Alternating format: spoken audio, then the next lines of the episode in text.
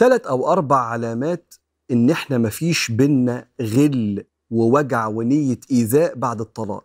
ثلاث أربع علامات دول معناها إن العلاقة ما اتهدمتش. قدرنا نرممها ونعيد السلام بعد الكسرة الكبيرة اللي بتحصل في الطلاق. أول حاجة الصمت.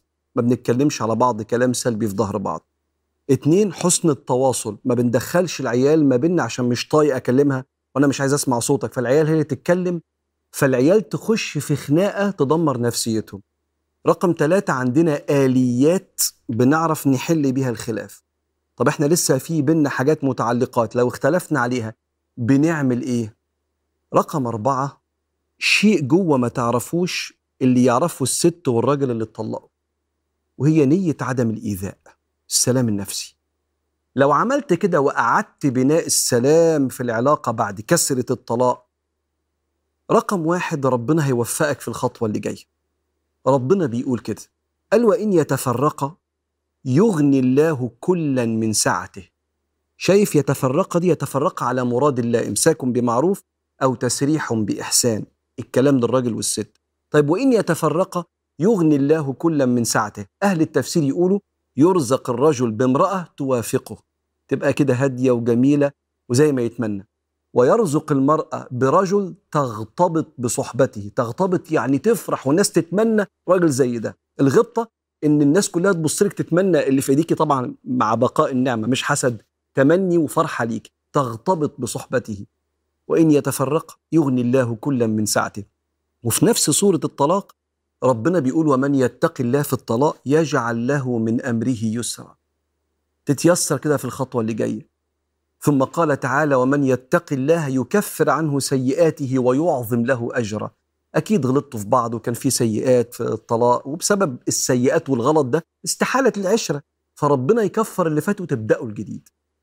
من ضمن الخيرات اللي بيجنيها من أعاد بناء السلام بينه وبين طليقته بعد الكسرة الكبيرة اللي بتحصل في الطلاق حماية الأولاد من الزلزال ده زلزال الطلاق. لأن الأولاد لو شافوا طلاق صحي لا يفقدوا الثقة في الحب ولا في الجواز. إنما يعرفوا إن اللي بيحب بيعامل كويس ولو مش قادر يعامل كويس بينفصل برضه بحب. فيطمئنوا لخطواتهم اللي جاية. ما يخشوش بعد كده في علاقات بتعلق غير آمن. أسباب التعلق الغير آمن على رأسها بيت كان فيه مشاكل. فتطلع البنت مش مستريحة في علاقتها مع جوزها. ليه؟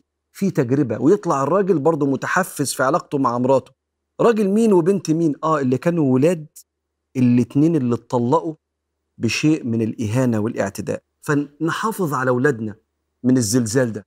حاجة التالتة والأهم اللي كل ست وراجل بيتطلقوا أو اتطلقوا محتاجينها هو النجاة من الغدر. سيدنا النبي عليه الصلاة والسلام بيقول إذا بعث الله الأولين والآخرين رفع لكل غادر لواء. مكتوب عليه هذه غدرة فلان.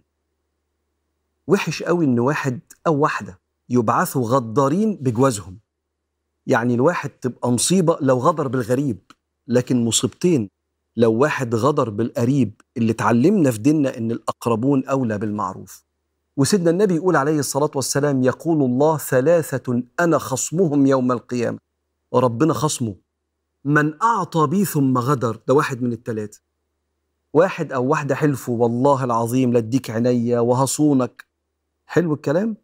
ما هو الطلاق ده جزء آخر اللقطة في الجواز. آخر لقطة من صيانة الجواز اللي إحنا حلفنا عليه وإحنا بنكتب الكتاب إن إحنا لو اتطلقنا نتطلق بالمعروف. فالأعطى بيه يعني حلف بالله ووعد بعهد ربنا سبحانه وتعالى ثم غدر.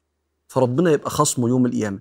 الناس اللي بتطلق بإحسان بينجو من هذا الغدر.